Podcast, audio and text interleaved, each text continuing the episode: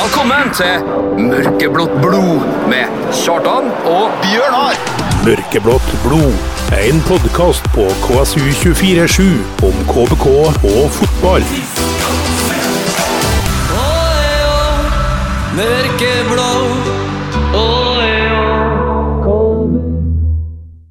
Velkommen til andre episode, sesongen 23. Yes. Vi eh, har klart å kare oss eh, til en gjest i dag, eh, Bjørnar. Ja. ja heldig. Det er altfor lenge siden. Ja, det er det. Det er jo, var jo i fjor, det. Det var jo det. Og det var jo vår gode venn Grego. Ja. Ja. Sånn julespesial. Eh, til, ikke til forkleinelse, men eh, denne karen her kommer jo fra samme klubb. Ja, Eh, gamle KFK-ere, begge to. er det. Der skal vi til ære for dagens gjest si at sammenligningene stopper. ja, det kan være greit. Skal vi si Ja. Eh, velkommen til deg, Erik Oseth. Tusen takk. En, Sportslig leder.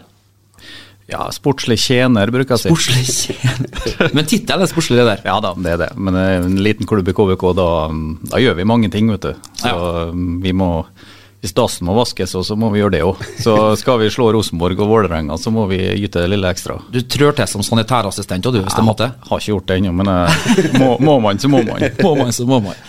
Uh, vi eh, gjorde ikke det som vi vanligvis bruker å gjøre i dag, nemlig å vente og ha et stikk, et Nei, nei, nei. velkomststikk. Fordi at jeg tenker at tar en travel mann. Absolutt. Uh, vi sa før vi gikk på lufta nå eh, Overgangsvinduet, det internasjonale overgangsvinduet stenger 31. Ja, januar, ja. Ja. Er... Sånn at uh, Du har jo vært en travel mann. Jeg snakka med deg så vidt på melding tidligere i dag, og da sa du at du satt i møter og sitter fortsatt i møter og satt i møter hele dagen. Er det, er det fordi at det, det begynner, å, begynner å haste? Nei, for så vidt ikke. Det var jo flere typer møter vi hadde. Vi har faktisk hatt møte med, med supporterklubben Ugla nå. Å ja? Jeg var med på et møte der, og det syns jeg var kanskje det mest givende eh, møte. For vi har jo eh, vi har Norges beste supportere. Så eh, det var, det var klasse. Så hadde vi litt Ja. mø mø møter med folk som skal være med og bidra litt med penger og sånne ting, og det var også positivt. Ja. Så, eh, nei, så er det nå litt logistikk oppi det her òg. Vi, vi har jo en del spillere, som dere vet, men eh, det er klart det kan jo skje ting inn og ut òg. Ja. Så det koker hele tida der nå. ja. Det er mange som har lyst til å Jeg tenker lyst eh, og spille for KBK liksom er mye ja, ja, ja, jeg opplever at KBK er en attraktiv klubb, det, det gjør jeg. Og det, det skal jo Kristiansunds publikum og nordmørspublikummet og supportere og spillere og ja, måten klubben eh, blir fronta på, ha en eh, ære for. Det er jo flere prøvespillere som har lyst til å komme og, og trene med oss, og det er noen ukentlige spillere som er her. Ja. Så, eh, men det er jo det å velge, da, vet du, velge de rette hestene her. Og det er ikke bare enkeltspilleren som teller, det er jo det å skape det kollektivet og det laget. Det er ofte det en klubb som KBK må være veldig dyktig på, da, og har vært veldig dyktig på. ja. Eh, det, jeg har inntrykk av at det er mer og mer vanlig i, i moderne fotball at uh, treneren, manageren, må være veldig komfortabel med at spilleren er her av de riktige grunnene. og at den vil passe inn i sånn som uh, sjela til Kristiansund, bygge stein på stein, nøkternt, jobbe for andre. Alt det, alt det der skal stemme for en, eh, en Mikkelsen og dere som velger hvem de henter inn? Ja, jeg tror nok eh, profilen på spillerne må, må nok stemme litt overens. og Når du skal sette sammen den garderoben og få, få det kollektivet til å funke, så, så betyr det mye.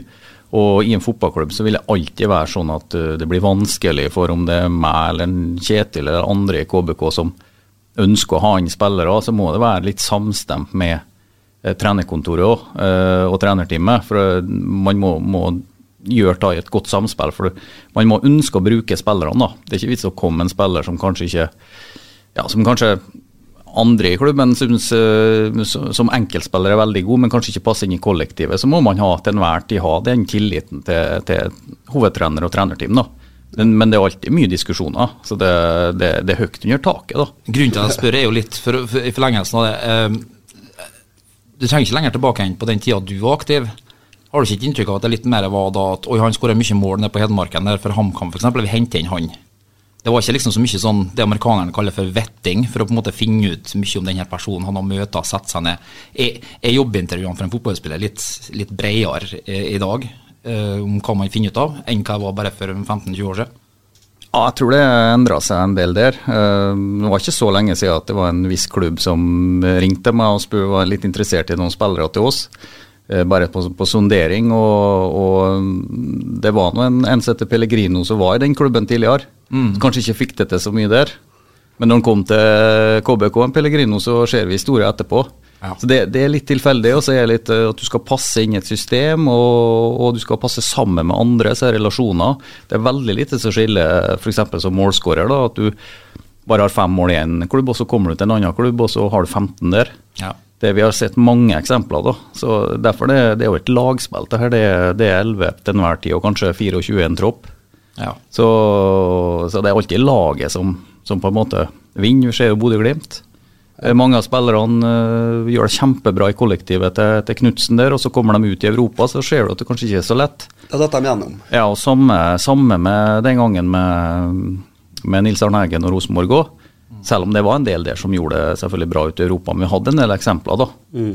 Så eh, nei, laget og kollektivet, det er det som alltid må gå foran. ja. Relasjonelle ferdigheter. Det er veldig avgjørende. Men så har du jo en og annen enkeltspiller som bare er outstanding uansett hvor du plasserer ham. da. Ja. Da får de bare holde kjeft og finne seg at han kommer. Ja, Han det leverer. Uh, vi gikk litt raskt inn i, inn i din jobb som eh, ja, altmuligmann, som du sjøl sa. Ja. Men, eh, men det å være med og prøve å finne frem spillere Eh, Din karriere sjøl.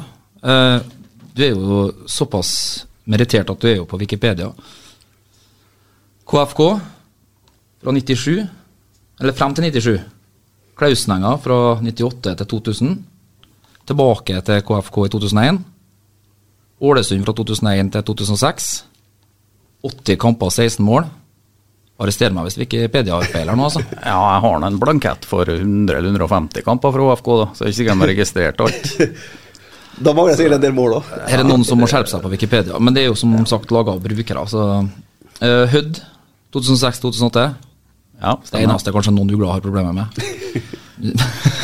men den lå vel ligge. Ja. Og Herd fra 2009 til 2012. Men der hadde du vel foreldrerolle, eller var du spiller akkurat den perioden, kanskje? Nei, da jeg var, ble ansatt der i, i 2008 da, på deltid mens jeg spilte for Hødd. Og så fra 2009, 1. januar der, så var jeg på fulltid, da, daglig leder og sportsleder. Og så holdt jeg nå, var jeg nå med noen gangen. Når de trengte å få bøttene Ja, du vet det var en Rune Ulvestad, vet du, faren til Ja. Peter og Pål Erik. var jo, han var jo eh, eh, hovedtrener. Så det var jo sånn at jeg var alltid nummer 12 og 13, altså han hadde, hadde nå sine elver. Men når det var skade, da brukte han å komme på kontoret fra, allerede fra mandag. Da skjønte jeg hva han ville, at da skulle jeg starte etter helga.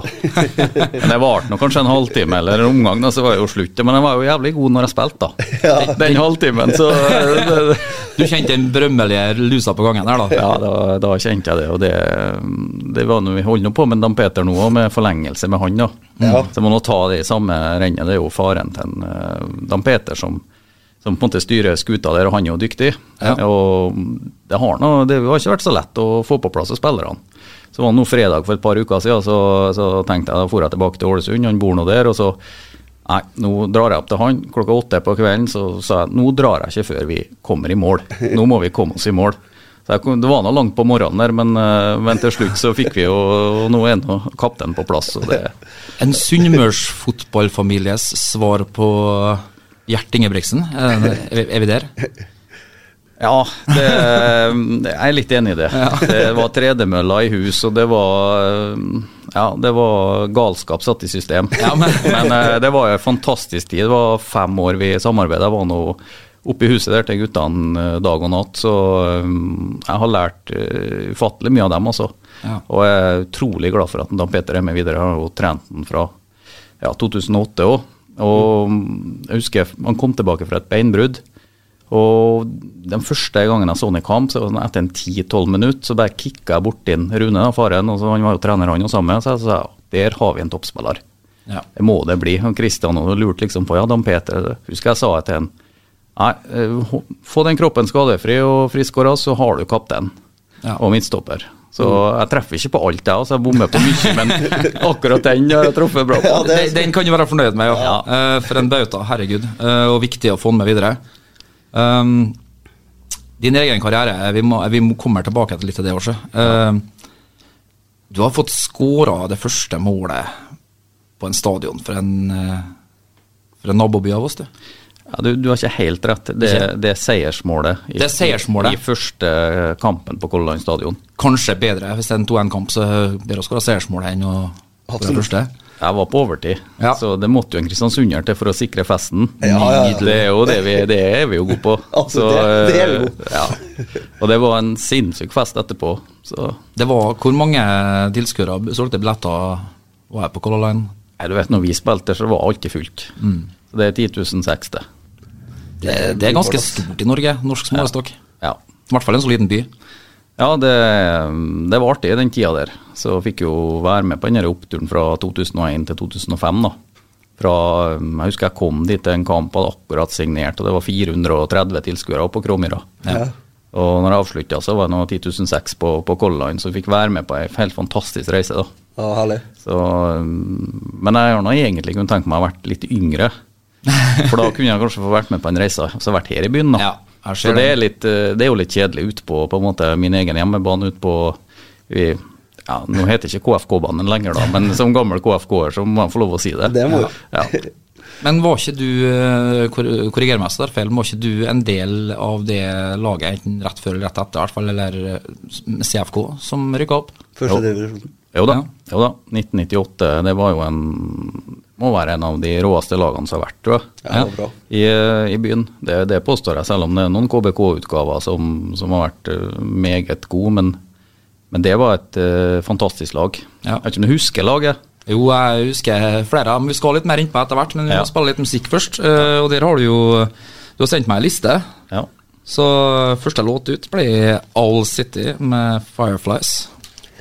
Mørkeblått blod er en podkast med Kjartan og Bjørnar, og de driver denne podkasten på luft og kjærlighet til KBK og fotballen.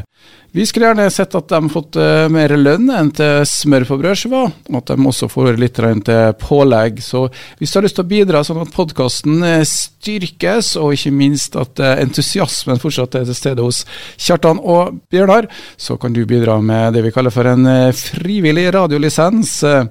Vi har eh, på VIPS 54 15 76 eh, kontoen, eller eh, du kan bare søke opp KSU247.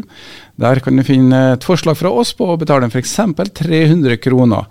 Og Velger du å betale et annet beløp, så gjør du gjerne det, og alt mottas med en super supertakk. Og hvis du velger mørkeblått blod, så vet vi at dette eh, bidraget går direkte til mørkeblått blod, og gir både Bjørnar og Kjartan en klapp på skuldra og enda mer entusiasme for å drive podkasten videre. 300 kroner til VIPS 54 15 76. Det var All City med Fireflies. Den dro jeg jo kjensel på med en gang jeg hørte den. Jeg er nesten litt skamfull for at jeg ikke tok den med sånn. Men det er en sånn låt som jeg ikke husker hvem hadde, eller hva het, eller noe, men jeg har hørt låta x antall Den har ganger. ikke festa seg helt. Eh, Nei, eh, og så har det ikke vært sånn at jeg sjekka ut mer av bandet. Nei. Men god låt, god låt. Um, for eventuelle nye lyttere Mørkeblått blod med Kjartan og Bjørnar. Dæven steike, det var bra. Nå var vi på, Bjørnar. Jeg forventa at du skulle levere den nå. Lei av å si det sjøl hver gang. Uh, vi har besøk av uh, sportslig leder Erik Hoseth i dag. Um, vi var så vidt innom det. Karrieren. Mm. Um, Ålesund du, du står vel med gullskrift i Ålesundsfotballen, gjør du ikke? Ja, det er sølv da, kanskje. Ja. Men det er klart at vi, den gjengen som tok Ålesund opp til Eliteserien i Tippeligaen den gangen, da. Det er klart vi har ei høy stjerne, vi merker jo det. Ja. det mm, ja, det, vi, vi kjemper hardt for det. Det er bånd som knyttes der, som eh, på en måte ikke blir eh, brutt med første. Du Det har kontakt med ganske mye av dem, eller? Ja da, det har vi. Så mm, det er naturlig, det. Vi toucha jo inn på det med din rolle i Dan Petter Ulvestad og- far Ulvestad, hvilken relasjon du hadde der gjennom Herd. Um, er det litt sånn at du litt ekstra tyngde når du kommer ned på Sunnmøre der? Er, er sånn du selger deg litt som sportssjef? At du, nei, vi har litt større nedslagsfelt da når jeg har ei høy stjerne i, i Ålebyen. Nei, jeg vet ikke det, om det spiller noen stor rolle. Jeg tror de eh, spiller De tenker på seg sjøl, tror jeg. Spillerne, og så mm, er det kjekt når det er spillere som måtte tenke litt på klubben òg, da. Ja. Og sånn som kapteinen også, Dan Peter, som vi har vært inne på her, at han, eh, han blir med skuta ned Ja. og har lyst til å, å få opp igjen. Ja. å få henne på rett kjøl, og det, det tror jeg han var ganske tydelig på. Ja. Så vet jo ikke jeg om hvor mange andre tilbud han, og sånn han har, men, men klart han har nå valgt å være tålmodig utover. Så kommer det alltid skader i lag, og sånn, så, så vet jo de vet om andre klubber hva han står for. Ja. Så, Vet hvorfor hvor han kommer inn. Ja, gjør det. Så, så vi setter jo pris på, på sånne spillere, ordentlige klubbspillere. Absolutt. Um, vi var tørsta så vidt innpå at uh, det er internasjonal eh, transfer deadline det gjelder så her i Norge. Men uh, hva, hva, Norge er 31. mars, var ikke det? 31. mars som er for norske spillere? Ja, i, mellom uh, norske klubber, ja. Ja, mellom norske, ja. ja. Eh, har du noe groundbreaking news til oss i dag, da? Nei, jeg har ikke noe sånn spesielt utover det dere har sett, da. De som har trent med oss, blant annet. Så mm. har jo Kristian vært litt ute i, ute i media òg, så han Mikkel Seide Ja. eh, kan, kan det bli et, aktuelt med et utlån fra, fra Rosenborg. Ja. Eh, spennende spiller, 21 år. eh, Kan spille både stopper og, og sekser, og, og det kan jo kanskje bli et opsjon på, på kjøp der òg. ja. Uh, og det er en sånn typisk spiller, mener jeg, for KBK sin del. Stort potensial, bra fysikk, god med ballen. Kanskje må få inn den tøffheten som, som skal til eh, for, å, for å løfte seg opp på, på det aller øverste nivået. Eh, så det er sånn eh, type spillere som, som KBK kan få til, da.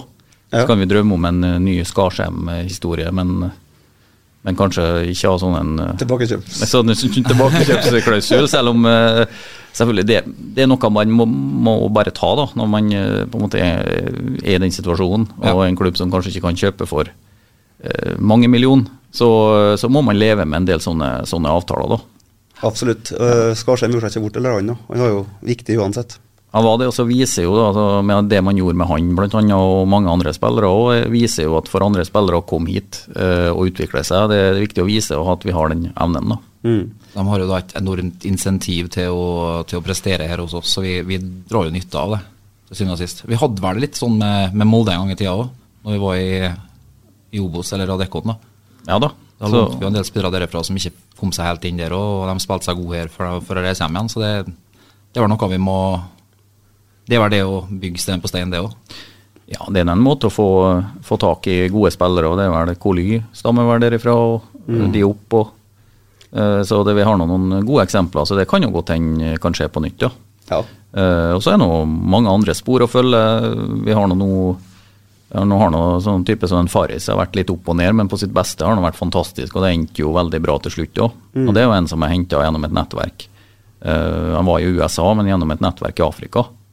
Så, og det nettverket følger vi opp uh, hele tida, så det kan jo være uh, en eller annen diamanten vi kan forsøke å få inn, da, men det er ikke lett det der i markedet. da. Nei, det forstår jeg. Det er det ikke, men, men det ble jo en veldig bra historie med han til slutt. Absolutt.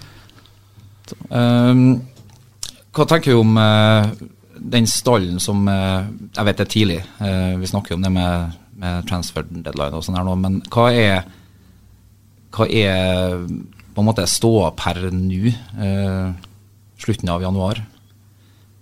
Nei, men Ser stallen bra ut? Jeg syns, øh, jeg syns at øh, grunnmuren nå begynner å se bra ut, med Hopmark og Dan Peter med videre. og et relativt bra antall. Det var en 3-24 spillere på kontrakt. øh, mange unge, spennende øh, spillere. øh, og bortimot en nærme oss en dobbel dekning som vi skal ha da, i posisjoner. Så er selvfølgelig Moses Mava håper vi nå kommer raskt tilbake her etter mm, akillesskaden. Han røyk jo akillesen i juni i fjor. Hvordan ser det ut på trening? Ja, det, alt går etter planer, og mm, jeg vil jo si at det går på en måte foran skjema. Men det er nå en sånn lumsk skade som man vet jo ikke. Det må ikke for oss, det. Nei, det må vi ikke. Men det er klart, vi har et håp om at han er i kamptropp fra vi starter. Men det er jo ikke sikkert at han skal brennes ut sånn at eh, det blir 90 minutter på 90 minutter for tidlig. At vi klarer å matche han på en fornuftig Stor måte. fysikk òg, så fort utsatt for belastning. Det er helt, helt riktig, så der må vi gjøre de rette tingene. Uh, Willumsson ser jo veldig bra ut uh, på topper, så det kan jo hende at vi, vi må se etter en spiss, da. Ja.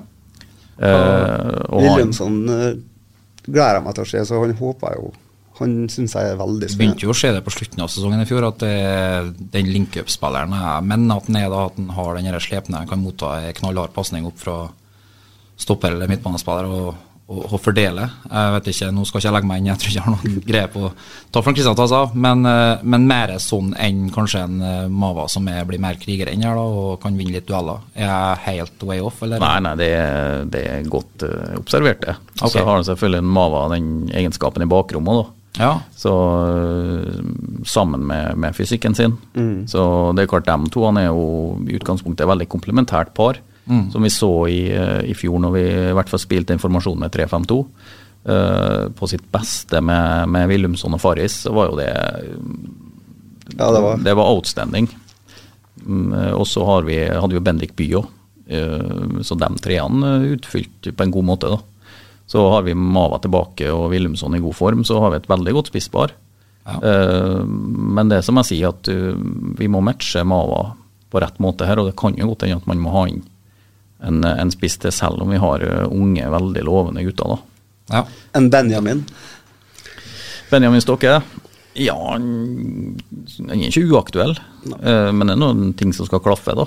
Uh, så det kan jo hende at han er løsninga på det, det, det skal vi ikke En utelukke. 32 år gammel Benjamin Stokke er klar til å være squad-player, da? Ja, squad player, vi, har du tre spisser og to plasser? Ja.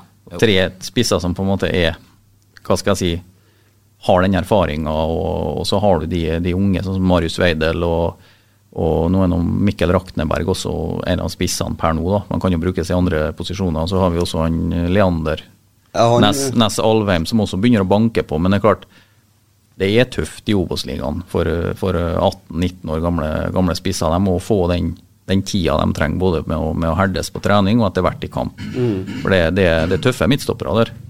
Ja, uh, Men det skal- var jo, beklager, men jeg så jo så disse fire målene mot eh, Rosenborg nå nylig, så Lander er i form, han. ja, det er 2-0-målet der. Ja. Det er jo eh, outstanding. Det er jo ut av en annen verden. Ja, det er klasse, ja. Så eh, nei, det, jeg håper nå at eh, en sånn prestasjon kanskje kan ja, At en kan få en premie med litt spilletid mot treff til helga òg. Ja. Kan jeg aldri garantere noe, men det, det har nå vært artig. Ja, det tenkte jeg å spørre dem egentlig så i løpet av sendinga. Om han skulle kanskje få starte den. Ja, det, det, det bestemmer trenerteamet, da. Men uh, klokt, klokt svart. Eh, men ja, uh, unge spillere, sier uh, Ikke for å gå sikkert en del av dem som har sendt inn spørsmål i næringa, for jeg regner med at det kommer spørsmål om det derfra. Men eh, hvor nært altså Nå skjønner jeg de har ikke spilt en sesong i tredjedivisjon ennå, men utover en sesong hvor de spiller på et, et hakk opp i konkurransenivå Det er bare ett konkurransenivå mellom den tredjedivisjonen og, og Obosen som vi befinner oss i. Eh, er det Snak, svar generelt nå, for du svarer jo så klokt og diplomatisk. Men eh, hvis du svarer helt på en generell basis, det, blir det lettere å slippe til de yngre kreftene i Obos når de spiller tredjedivisjonsfotball til daglig? Hvis de fortsetter å levere der på samme måten som de har gjort tidligere? Det kan jo være. Det kan det være, og jeg kan jo nevne flere i, på rekke og rad som nå er Du vet nå hvem som er i, troppen også. Det, det, det er ganske bra lokalt innslag nå. Eh, både med nordmøringer og kristiansundere. Eh, og det, det er spillere som banker på døra. Ja, Oskar hadde et klassemål i Altså, treningskampen. Oskar må bare fortsette sånn. Det er bare én måte å, å, å komme seg inn på, det å levere både på trening og i kamp. Oskar fikk jo to innhopp. eh, Han, jeg skjønner at eh, Jeg håper han ikke er fornøyd, jeg håper han vil ha mer. Jeg håper han er veldig misfornøyd. Eh, og det tror jeg han er òg. men det eneste melodien er å levere, og i fjor høst så hadde han vel, etter hvert veldig bra på trening. Fikk jo innhopp mot uh, Haugesund. En livsviktig kamp for oss. Og, og Kristian satt jo inn pga. at han trodde han kunne gjøre en forskjell eh, etter han har vært bra på trening. Så det er litt sånn, det bare fortsetter å klinke den ballen i mål, om du heter Leander eller Oskar eller Heine eller Veidel eller hva du er. Det, det er litt sånn at du, du må levere sjøl. Altså når jeg valgte å dra til Ålesund, så var jeg nummer 20 i troppen. Liksom tatt inn på nåde. Jeg måtte bruke et år, og det var x antall hat trick på FK2. Og til slutt så, så presser jeg bare inn, ja. Jeg skjønner at du skal, få, du skal få tillit og du skal få muligheter. Det må vi kanskje bli flinkere til òg. Men det er litt sånn, det, det, det er tøff konkurranse. Det er, det er mannfolkidretter her. Kan jeg få lov å synse litt? Ja. er det litt at man kanskje vet at man skaper litt vinnerskaller hvis man må stå og levere og levere og på en måte føle at man ikke får sjansen? For som du, som du formulerte deg så fint her nå, eh, må bare fortsette, eh, for det er det det handler om. Det er jo ja, det vi har sett spillere eh, gjort tidligere, med Sondre Sørli eh, kanskje stagnert litt av periode, men ga seg aldri på tørre møkka. Erlend Sivertsen har jo vært med hele tida, men altså, den vinnerskallen og på en måte stå i det hvis det blir bytta ut, ikke får spille så mye, gir seg ikke. uh, står på videre og lever, prøver å levere, sånn at det skal bli mulig for treneren å ikke ta han ut. Er litt det man prøver å lokke frem fra de unge guttene? Ja, det er det òg. Selv om det, det, har, det er ingenting med alder når du setter opp laget. Du, altså En trener han blir jo målt på altså Treneren har noen ambisjoner, han òg. Han har sikkert lyst til å bli landslagstrener eller komme seg ut i Europa, tipper jeg. Uten at jeg har snakka med Christian om det. og Da, da bruker han hele tida de brikkene som kan gi best mulig resultat. Sånn, Sånn, sånn vil det jo være, samtidig som vi må ta litt hensyn til at vi, vi, vi skal jo utvikle unge spillere og vi skal ha en lokal profil. og vi, vi, må kanskje, Er du nordmøring, kristiansunder, så, så må du kanskje få slippe litt lettere til enn en andre. Så må, det må vi kanskje også bli litt flinkere, da. Uh, men det som du sier, jeg tror Andreas Hopmark har kjempa sine kamper. Ja. Han, uh, på- øh, Dan Petter Ulvestad var i ÅFK et halvår, kom tilbake til helgen. Han har kjempa sine kamper. Kartum, hvor hardt har ikke han kjempa nå? Ja, de er litt eldre enn de yngste, men de har kjempa i, en- i en mer voksen alder sine kamper for å få sin posisjon. Og, og øh, jeg kan sikkert nevne, nevne flere òg. Og øh, det er bare elleve plasser til enhver tid. Det er steintøft, det er, ikke, det er ikke mer å si. Men vi er ja, Kjempegodt samarbeid nå med utviklingsavdelinga synes jeg, med Leo. Og, og øh, selvfølgelig vi er ikke enige om alt, og vi, vi, vi krangler når vi skal gjøre det. Og vi, vi er enige når vi, når er det, men vi, vi, det er høyt under taket. Og, og øh, vi ønsker å gi de unge sjansen. da. Det, det gjør noe, det, det gjør trenerteamet òg. Samtidig som øh, det er klart Nordmøre krever vel at vi skal være med i toppen nå neste år. Ja. Så det, det blir nesten den balansegangen, men klarer vi begge deler, da. Ja, det har vært supert. Så er nå det vi Det ønsker jo alle. Den friksjonen der og den takhøyden som du snakker om, den jeg tror jeg er tegnet på noe som kan være progressivt og gå fremover. da. Eh, Hadde det vært altfor strømlinjeforma, alle var enige, så da hadde det blitt rot. Det- hadde det blitt den klassiske mer kokker og mer søl. Det er helt sikkert. Og det var nå første helga med kamper her, jeg syns jeg var herlig. Det er jo ja. Første omgangen mot Brattvåg syns jeg mye positivt, og andre omgangen med ungguttene som når han Heine prikker gjennom pasninga, og Isak Anan slår innlegg, og det blir skåring, og når Oskar eh, klinker den i krysset, og så har du dagen etterpå Leander klinker inn fire mål. Altså det, det er jo Ingenting er bedre. Det, det går nesten litt for godt. Ja, man- eh, Ja, man melder seg på, og det er, det er bra. Gjør det vanskelig for trenerteamet. Det er spillerne må gjøre. Ja. De må gjøre det vanskelig. Å holde seg, holde seg fra å bli gal av å ikke få spilletid. Eller uh, som The Ark ville ha sagt It takes a fool to remain sane. Ikke? Helt rett.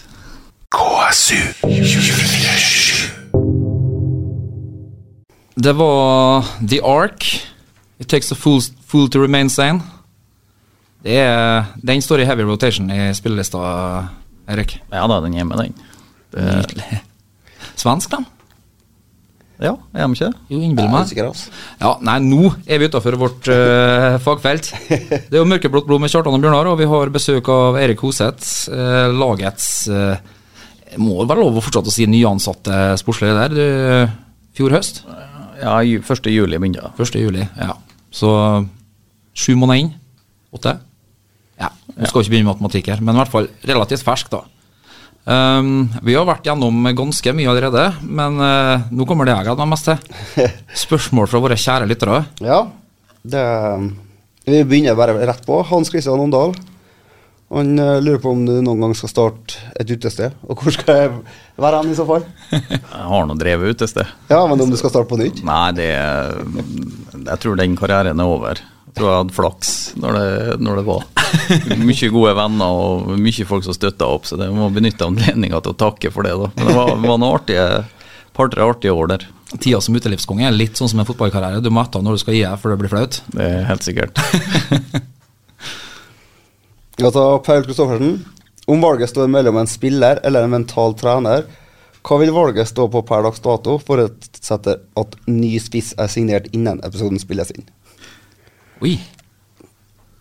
Faglig tungt. Ja, den var Det var solid spørsmål. Det var Han ble satt ut litt her, så en skal ha for det også. Um, nei, vi, eh, vi har noen prosesser på, på det. uh, men vi er ikke, vi er liksom ikke landa, nå, da. Uh, vi har nå gjort en del eh, ja, i forhold til styrka det fysiske apparatet, men Thomas Rytter inn inne på hver trening, og han er også veldig fin eh, samtalepartner for spillere. Han følger veldig godt opp, sammen med litt i bakgrunnen her. eh, ja, alt man kan si alltid, men og gjort en del gode evalueringer, så, så vi føler vel at vi er på riktig sted. Ja. Eh, men det er jo en, det å finne Skal du på en måte ha en mental trener inn, så krever litt ressurser. Og så er det at å bare komme inn en gang iblant, det, det har jeg ikke sånn veldig stor tro på. Jeg tror nesten du må være det på hver trening. jeg. Jeg tror jeg er enig. Så med at vi nå har eh, fysioterapeut på hver trening, pluss fysisk trener, eh, og med den kompetansen han har opparbeida seg, han rytter òg, og de prosessene vi har hatt, så, så håper jeg at ja, Jeg vet ikke om det har vært nødvendig tidligere heller, men det er nå gjerne sånn litt sånn medieskapt òg, at, Ja. at det vil man gjerne ja, fokusere på.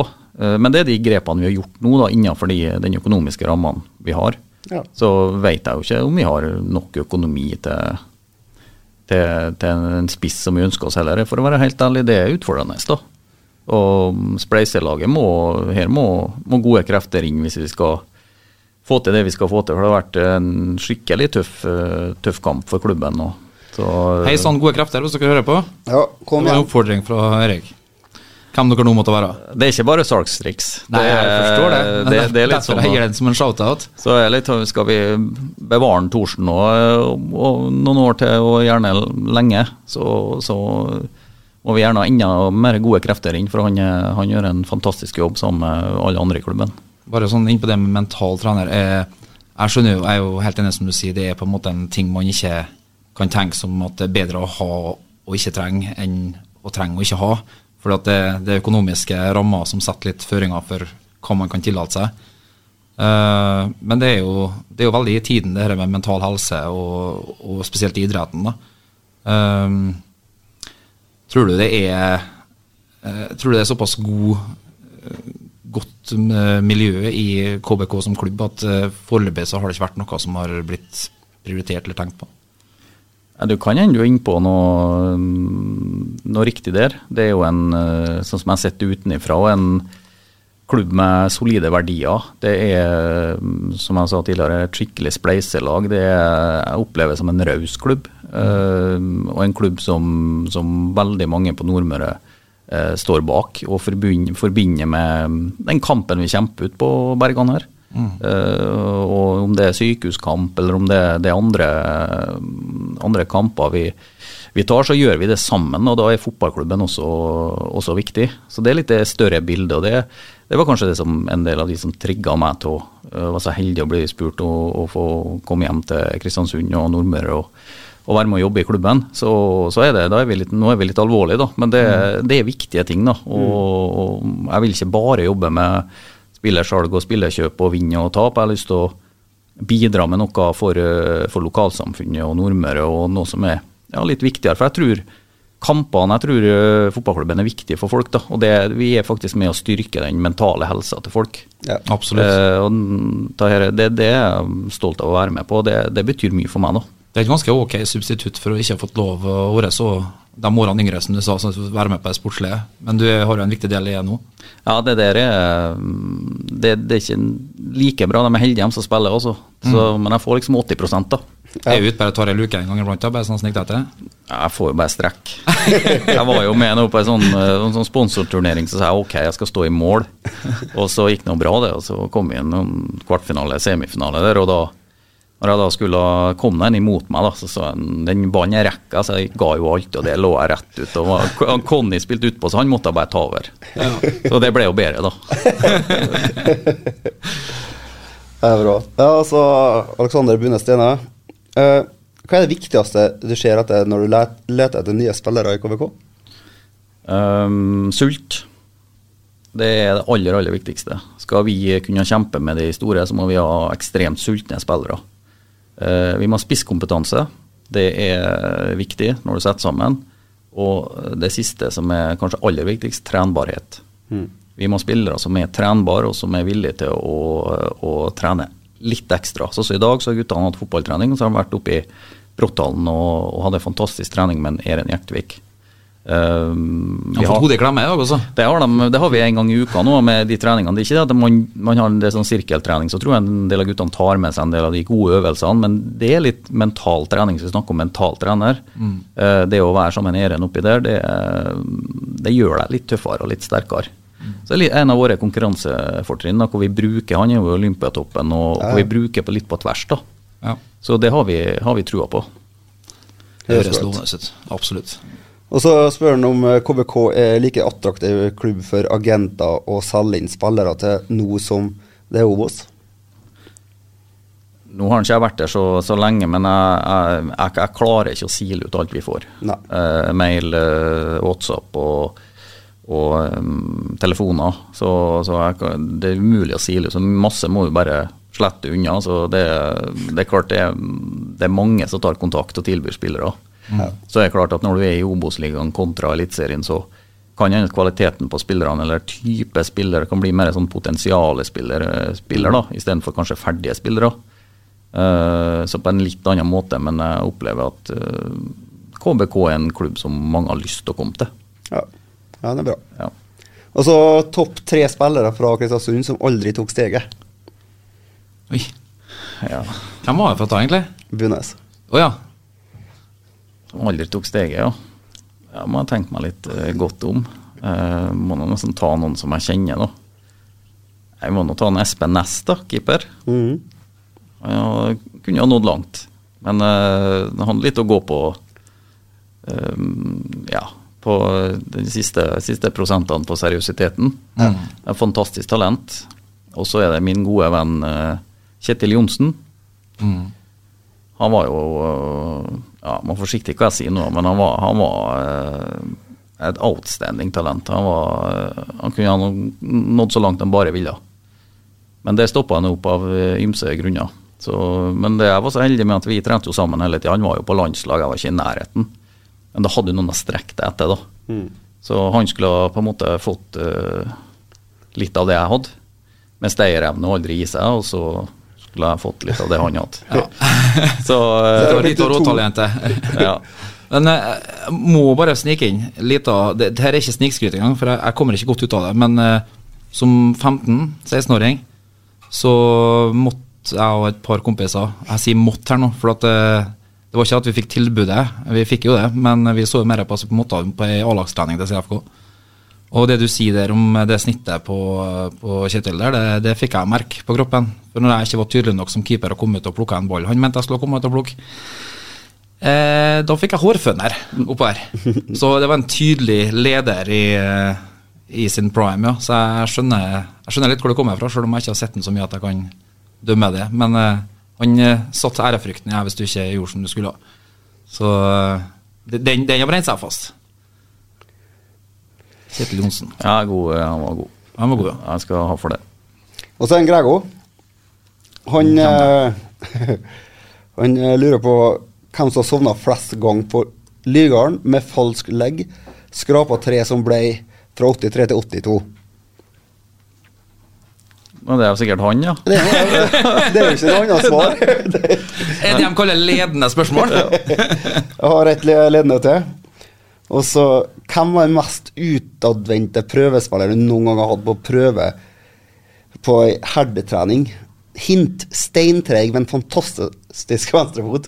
Nei, jeg aner ikke hvem. Han det være det? Nei, det, den er Hva svaralternativ? Nei, det blir jo en Grego igjen. Det blir gøy igjen, det. Han var nå litt der han er bedre form den gangen, da. Ja. Så han bør nå prøve å komme seg i litt bedre form. Vi jobber med det. Hvis, hvis du kan legge til sides eh, den derre eh, fellow KFKR-biasen din nå, Hvor- god var venstrefoten? Eh, er jeg oppe i nærheten av eh, hvordan han sjøl priser den?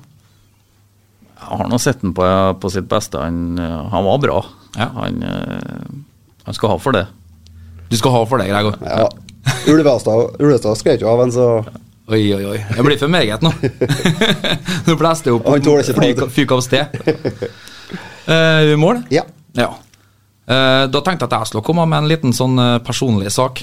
Eh, for nå når det var så alvorlig likevel, og vi snakka om mental helse og greier Stayerevne har du jo vist i din fotballkarriere, men jeg vet ikke om du husker en, en seanse jeg og du hadde på en skiweekend på Oppdal en gang i tida? Gjør du ikke? Hjorten er ikke det? Nei, Nei, det er Batnfjorden. det er Batnfjorden. Hva heter den puben i bunnen av Hovden? Det er i hvert fall der det var afterski. Rockås. Ja. Ja. Og da Vi så jo før vi kom i sending i dag, så så vi jo uh, Erlend Osnes. Eh, det er en standup-komiker fra Bodø. Og han sa jo så fint at eh, han har slutta å drikke. Det gjorde han for seks år siden. Han var 40 den, det året det der var spilt inn. Og det gjorde han rett og slett, og han fikk applaus, da, men det måtte han stoppe dem fra. fordi at uh, Grunnen til at han stoppa å drikke sånn, det var for at han kunne det rett og slett ikke. Han hadde ikke noe læringskurve. Og det må jo sies, jeg vil benytte anledninga her nå for å beklage for min eh, prepubertale oppførsel. For da var jeg, da var jeg skikkelig ufin. Og, men heldigvis så hadde du en god venn av deg, Ola Georg Holten, å springe og gjemme deg bak når jeg ble skikkelig kjempesint. Så. men da har jo Erik fortrengt, da. Ja. Og til tross for det så har han fått en god karriere, så jeg, jeg puster jo litt letta ut. At det ikke, at det ikke er en kar fra Goma på en eh, 17-18 år her skremt vannet av en. Jeg hadde Ola Georg med, men det var ikke noe problem. Nei, det var ikke. Han var hodet lavere enn deg, men han var tettere, da. Ja, da, Han hadde gått i krigen mange ganger, han. Ja, det tror jeg. Han skal ha for det. Nei, det, det, var- det var en seanse. Jeg måtte få av brystet. Ja. Det Skal vi spille litt musikk igjen, eller? ja, det kan vi gjøre. Ja. Mørkeblått blod er en podkast med Kjartan og Bjørnar, og de driver denne podkasten på luft og kjærlighet til KBK og fotballen. Vi skulle gjerne sett at de fått eh, mer lønn enn til smør på brødskiva, og at de også får litt til pålegg. Så hvis du har lyst til å bidra sånn at podkasten styrkes, og ikke minst at eh, entusiasmen fortsatt er til stede hos Kjartan og Bjørnar, så kan du bidra med det vi kaller for en eh, frivillig radiolisens. Vi har eh, på VIPS 54 15 76 eh, kontoen, eller eh, du kan bare søke opp KSU247. Der kan du finne et forslag fra oss på å betale f.eks. 300 kroner. Og Velger du å betale et annet beløp, så gjør du gjerne det, og alt mottas med en super supertakk. Og hvis du velger mørkeblått blod, så vet vi at dette eh, bidraget går direkte til mørkeblått blod, og gir både Bjørnar og Kjartan en klapp på skuldra og enda mer entusiasme for å drive podkasten videre. 300 kroner til VIPS 54 15 76. Eh, Du hører på Mørkeblått blod med Kjartan og Bjørnar, og vi har besøk av sportslig leder Erik Eirik Hoseth i dag. Eh, Vi har vært innom ganske mye forskjellig. Litt alvorlig, litt fliring. Eh, Men vi må jo litt tilbake til karrieren din før du, som du selv sier, har vært så heldig å, å få tilbudet i KBK og nå er her. Damefotballen i Ålesund har eh, dratt nytte av, eh, av din kompetanse. Kan du ikke fortelle litt om eh, Fortuna Ålesund?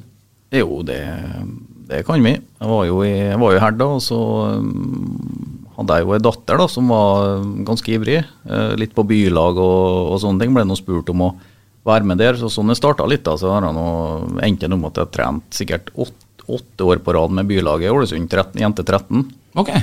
Så, så var det litt sånn det eskalert ut ifra det, at jeg ble spurt da om, eh, om jeg ville ta over som daglig leder og sportsleder i, i Fortuna den gangen, da, for FK Fortuna Ålesund. eh, og starte prosessen inn mot eh, litt mer profesjonalisering, og kanskje få ÅFK med på, på laget med et samarbeid der, og komme seg inn på Color Line. Og så starta det på prosjektet der. Det syns jeg var utrolig meningsfullt å starte med. Eh, det har litt å jobbe litt med, med likestillingsarbeidet som, som er, men også det jo at fotball er fotball. Altså Det er ikke damefotball, herrefotball, det er fotball vi snakker om. Mm. så det ga meg Det er ikke alltid så viktig for meg å være på Trenger ikke alltid være på den største scenen og det høyeste nivået. Eh, men for å jobbe med noe skikkelig meningsfullt, og det følte jeg etter hvert, så, så fikk vi jo økt det budsjettet der fra ja, en liten million opp til noen og passert seks-sju millioner. Eh, Så vi fikk jo med masse samarbeidspartnere. Fikk ÅFK med på å lage en samarbeidsavtale der, sånn at du sånn lik sånn organisering som Rosenborg hadde gjort og Brann hadde gjort og andre. da. Eh, Så kalte vi det ÅFK Fortuna, spiller akkurat i samme drakten. og Oransje drakten spiller på Color Line og, og mm, var nå fikk vi den pandemitida som var veldig tøff i forhold til å beholde spillere, beholde satsinga. Vi, vi kjempa skikkelig hardt gjennom den tida, og så fikk vi endelig spille i 2021, da, en halv sesong. og Da rykka vi opp da, til, til førstedivisjon og hadde en eh, sånn god, godt førsteår i, i førstedivisjon. Og fått profesjonalisert en del, mange spillere på proffkontrakter, ikke så store kontrakter, da.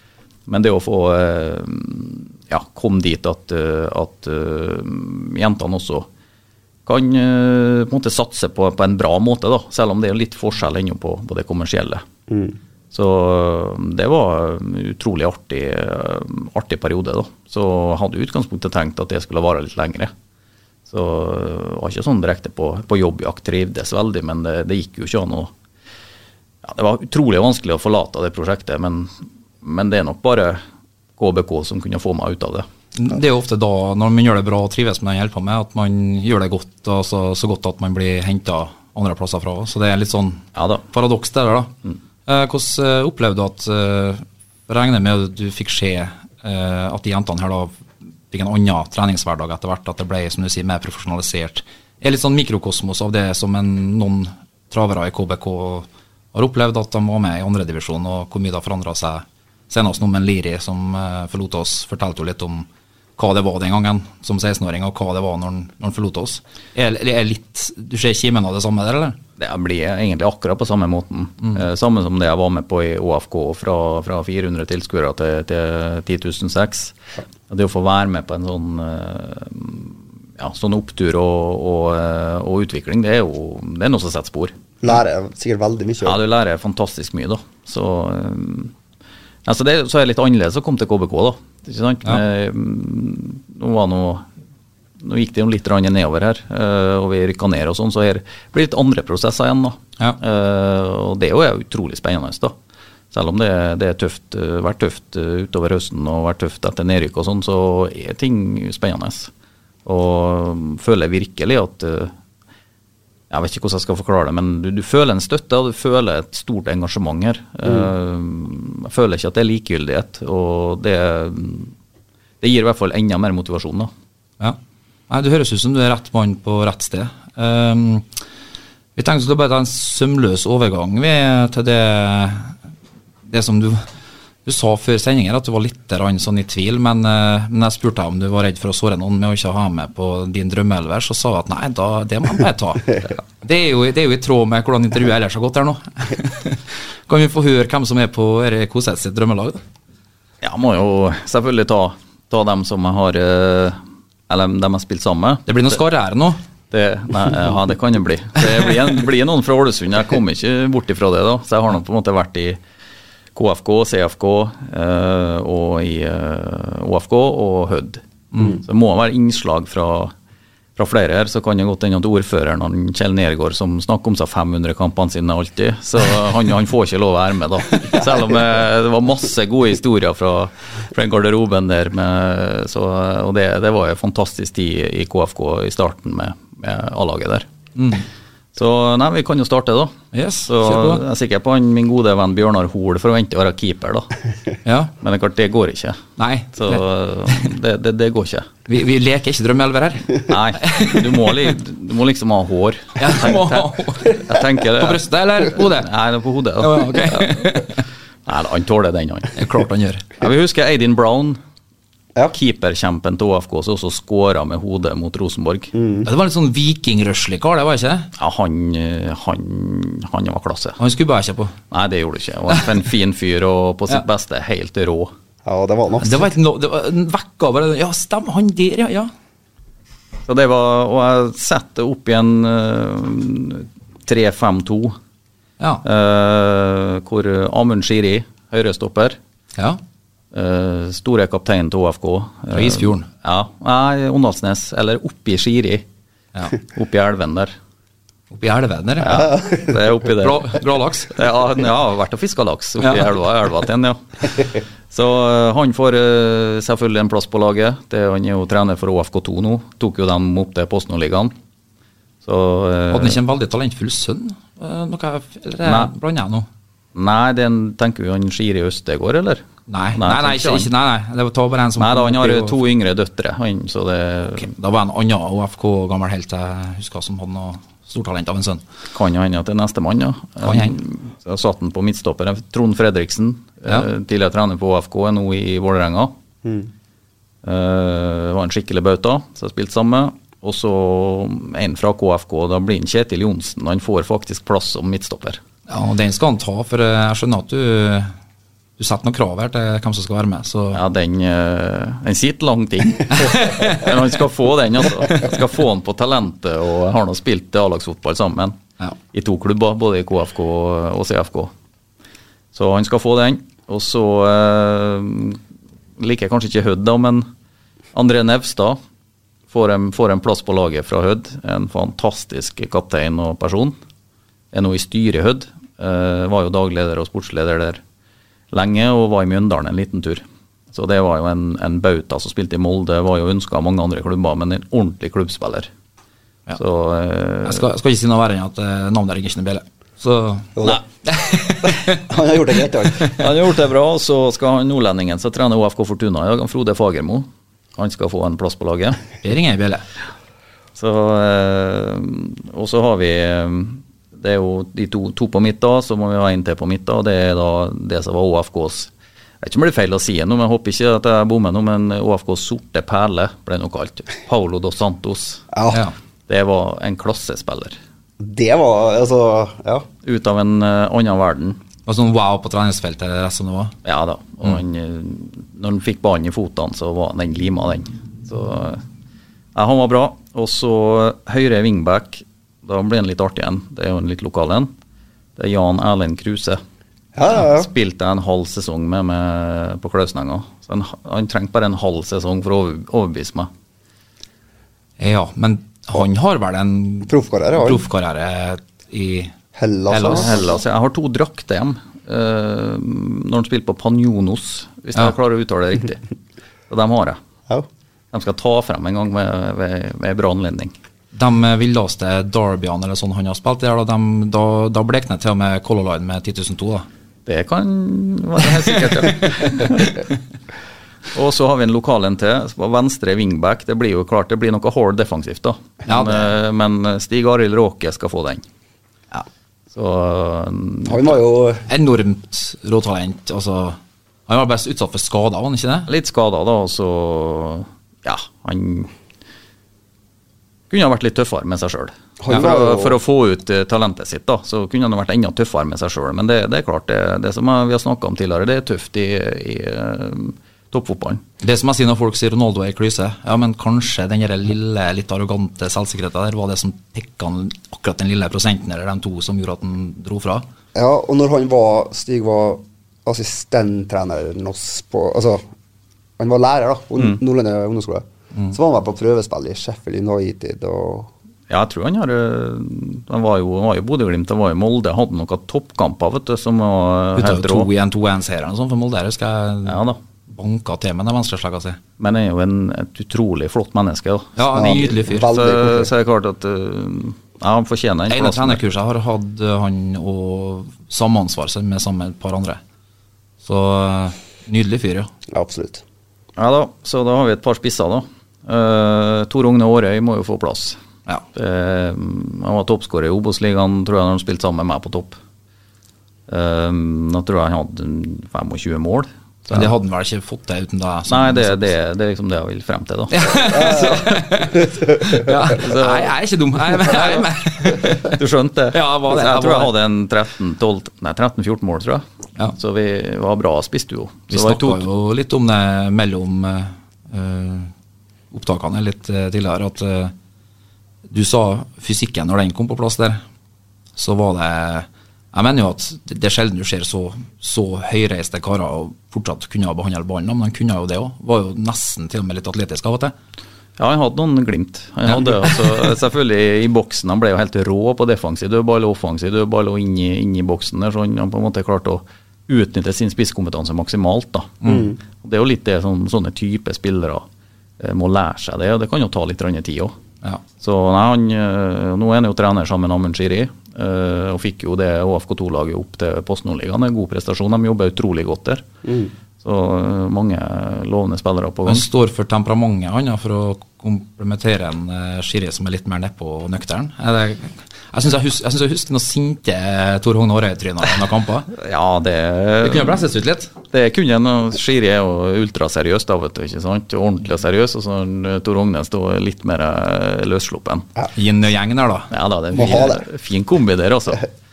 Og så har vi jo siste spissplassen, da. Han ja, han skåret over 30 mål i andrevisjon for Klausnenga. I eh, 1998 så for han til Stabæk.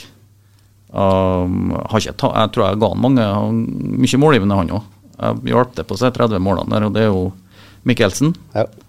Han må nesten få den. Ja. Så jeg vet ikke om det er helt fortjent, men jeg skal få den.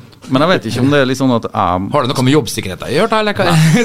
Nei, han, han var helt rå det året der. Han skal ha for det. Uh, og um, Jeg vet ikke om jeg skal være på laget. ja, men nå er jo noe, den, den 3-5-2-en er nå fylt opp nå. Ja, men er Hvem er det som ryker da? Da ryker jo Mikkelsen. ja, ja, men det Det er jo bare sånn det er. Ja, sånn må jeg være. Den må han ta. Han tar harde avgjørelser sjøl, så nå Ja. må han tåle at det blir tatt harde avgjørelser med han òg. Så jeg vet jo ikke er forutsetning at jeg skal være på laget eller ikke. Det er ikke en forutsetning, men det er alltid like artig å se Det, det, det har litt med personligheten til den gjesten vi har i studio å gjøre, det. Eh, om de tar seg med seg sjøl eller ikke. Ja. Hvis de jeg Du trenger ikke ha noen sånn falsk ydmykhet her til oss. Altså. Er bare å slenge seg sjøl med det. nei, nei, men hvis jeg må på laget, så ryker jo Mikkelsen. Ja. Ja, men da vet vi det, det byttet, i hvert fall. Ja. Det er jo ikke noe tvil om. Skal vi ha trener òg, eller skal vi ha det òg? Oh, Ja, få ja, få en trener òg. Trener, ja. Jeg har satt opp Ivar Morten Nordmark, da, men det blir jo litt sånn eh, Det, det kan bli artig, da. Ja, det, det må være noen mikrofoner oppi trynet på han etter hver kamp, da, i så fall. ja. Jeg har sett noen klipp på YouTube også, så ligger han det er veldig artig. Ja, Ja, han eh, anbefaler å gå inn, eh, gå inn der. jeg har sett det meste av dem. Det er den legendariske da, med Berit Riise. Yes. Ja. Jeg vet ikke om jeg skal prøve meg på en sånn på, på farten her, men det var vel et eller annet sånn at If you can't make love to my brain, you can't make love to my body. I forhold til, forhold til om det var noe mellom dem, da. Så det sa han jo, det sa han jo på TV 2. Ja, jeg vet. Og så hadde han vel en sånn, sånn nesten litt sånn kantonaesk greie der han leste noe dikt eller noe, hadde han ikke det? Jo da, vi, der han dro frem noe, noe, noe perler fra de nordligere strøk. ja, altså, vi har opplevd det før viktige kamper at han dro i gang noe allsang. Ja. Og så var vi ferdig med allsangen, det var jo greit. Nå skal han jo piffe oss litt opp, eller få skuldrene litt ned. Og så, ja, hvem skal starte? Og ja, men dere veit hva dere skal gjøre, Sånn.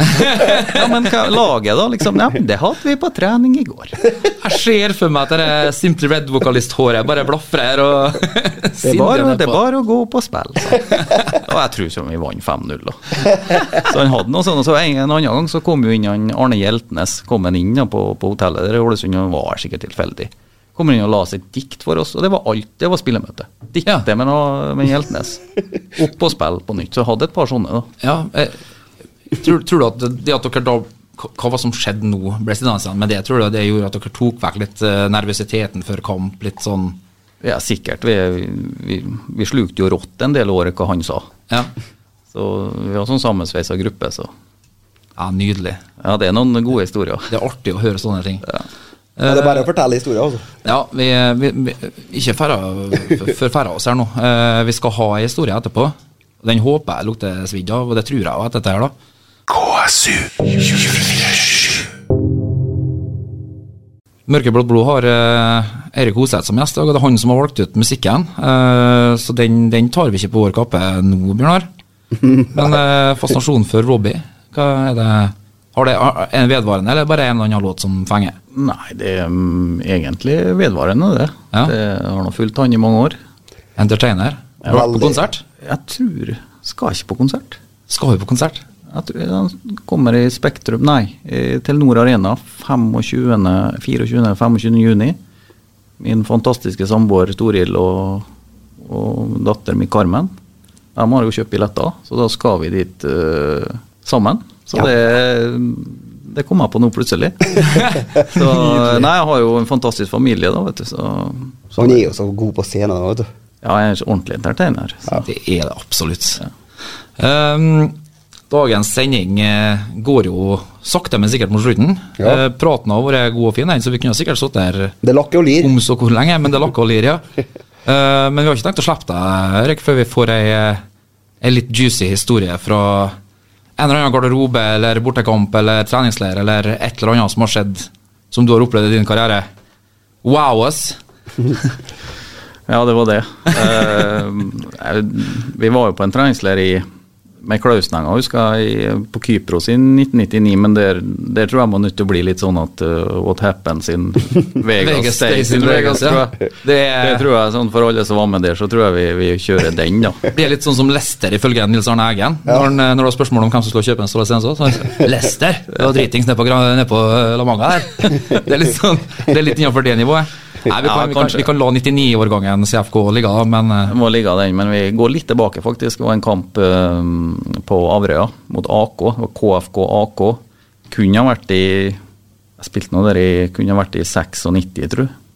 Så en uh, 95-96. Uh, kunne jo vært 97, var litt usikker. Men hadde vi en eminent eh, back, en fantastisk person som eh, gjorde garderoben. Altså, du gledde deg til hver trening. En Arne Bjerkås. Å, jeg tror jeg vet hvor Tav skal hen. Det er, det er en uh, gullperson. Ja. Uh, og- Sitatmaskin. Ja, det er nå, og jeg kunne ha sagt mye. ja.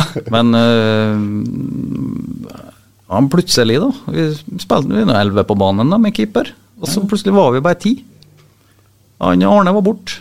Vi skjønte ikke hvor han var. Nå så liksom snurten av han gikk mot garderoben og ja, eh, halta han liksom. Vi skjønte ikke hvorfor, hvorfor det har skjedd. Men det er klart han har gått ned på ei sklitakling der, og, og der hadde han drette seg ut, rett og slett. Og shortsen var full av Ja, vi trenger ikke å si så mye mer enn det. Vi kom inn i pausen i garderoben der, det gikk jo ikke an å være der, for det, det lukta jo ikke godt.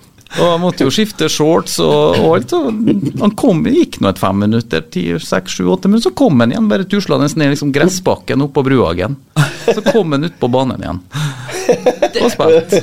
Det er en så nydelig historie her, fordi at jeg har hørt den før, men den personen som da fortalte, og jeg kan ikke gjengi hvem som fortalte heller, men fortalte den historien der, og da var det snakk om at noen sprunget av gårde opp gjennom bakkene mot den eh, det garderobe... Det kan jo ikke og stemme- rop- og ropt stemme at, eh, Ja, hinka litt sånn rart, som du sier, men, men sånn ropt 'sett inn på en annen en'. Men kanskje han slapp unna det hvis det ble pause og fikk konferert før han eh, Nei, men han kom utpå igjen. Ja, kom tuslende ned igjen. Søren en Arne, han var flere som sa.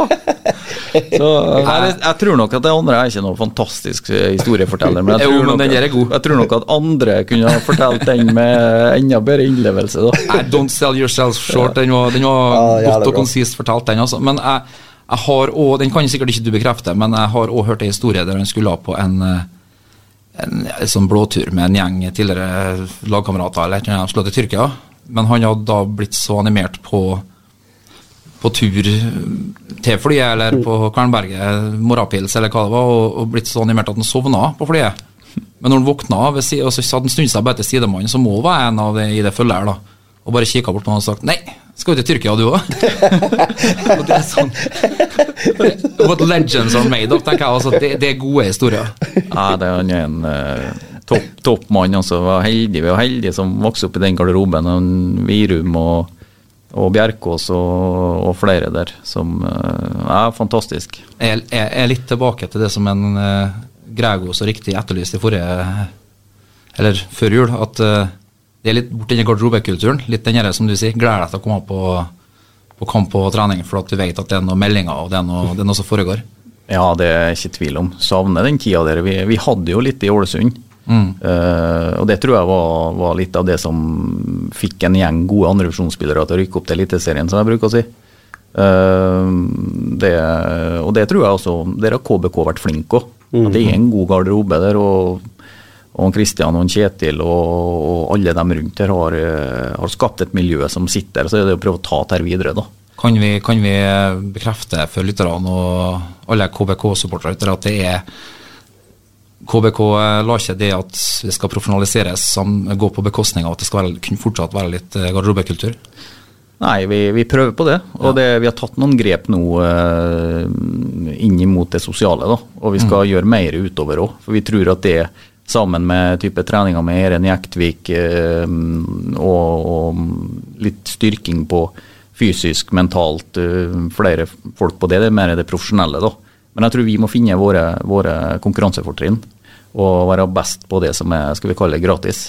Det, det utskjelte uttrykket teambuilding, men, Ja, det Ja, men det blir jo det, da. men det blir jo på en måte det. Ja. Vi gjorde jo litt det i fjor, vet du. Vi var på det rescue-opplegget der og litt, Yes. litt andre ting. Og, og jeg mener hvor stor effekt det er, og det, jeg syns i hvert fall det hadde litt effekt. Ja. Så øh, du så nå litt igjen på resultatene nå. Så det er jo, det er jo å anstrenge seg, da. Eh, Og da går det litt på spillelogistikken nå. Hvilke spillere velger vi? Velger vi eh, energipåfyllere i garderoben, eller velger vi bare tappere? tappere? Så mm, det, det der er en kunst, da. Dilemmaet eh, energitappere som kanskje leverer mye på kort sikt, eller noen som er med og bidrar og som passer som hånd i hanske med KBK, og som vi må få ut potensialet av. Ja, Du velger en, eh, den andre enn ti av ti? Nei, vi tror vi må ha litt begge deler. Ja.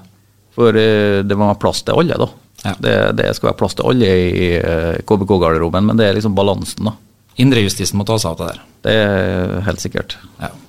Nei, da, eh, da tror jeg vi nesten kutter den der. Det var, en eh, fin oppsummering. Ja, veldig bra. Det- Tusen hjertelig takk for at du kom til oss, Erik. Ja, egentlig takk sjøl. Det var fornøyelse. Det håper jeg at jeg traff meg litt, i hvert fall. Ta og Sett lytterne Jeg tror det er veldig mange som setter pris på Det tror jeg akkurat det her. God info. Jeg er mye klokere og i bedre humør enn jeg var før vi vinner. Det er bra. det er bra. Da sier jeg gjenstår bare takk for oss, Bjørnar. Yes, farvel! Adjø. Velkommen til Mørkeblått blod med Kjartan og Bjørnar! Hei, det er Kjartan Det er Bjørnar. fra podkasten Mørkeblått blod. Hør på oss på KSU247. Gled deg!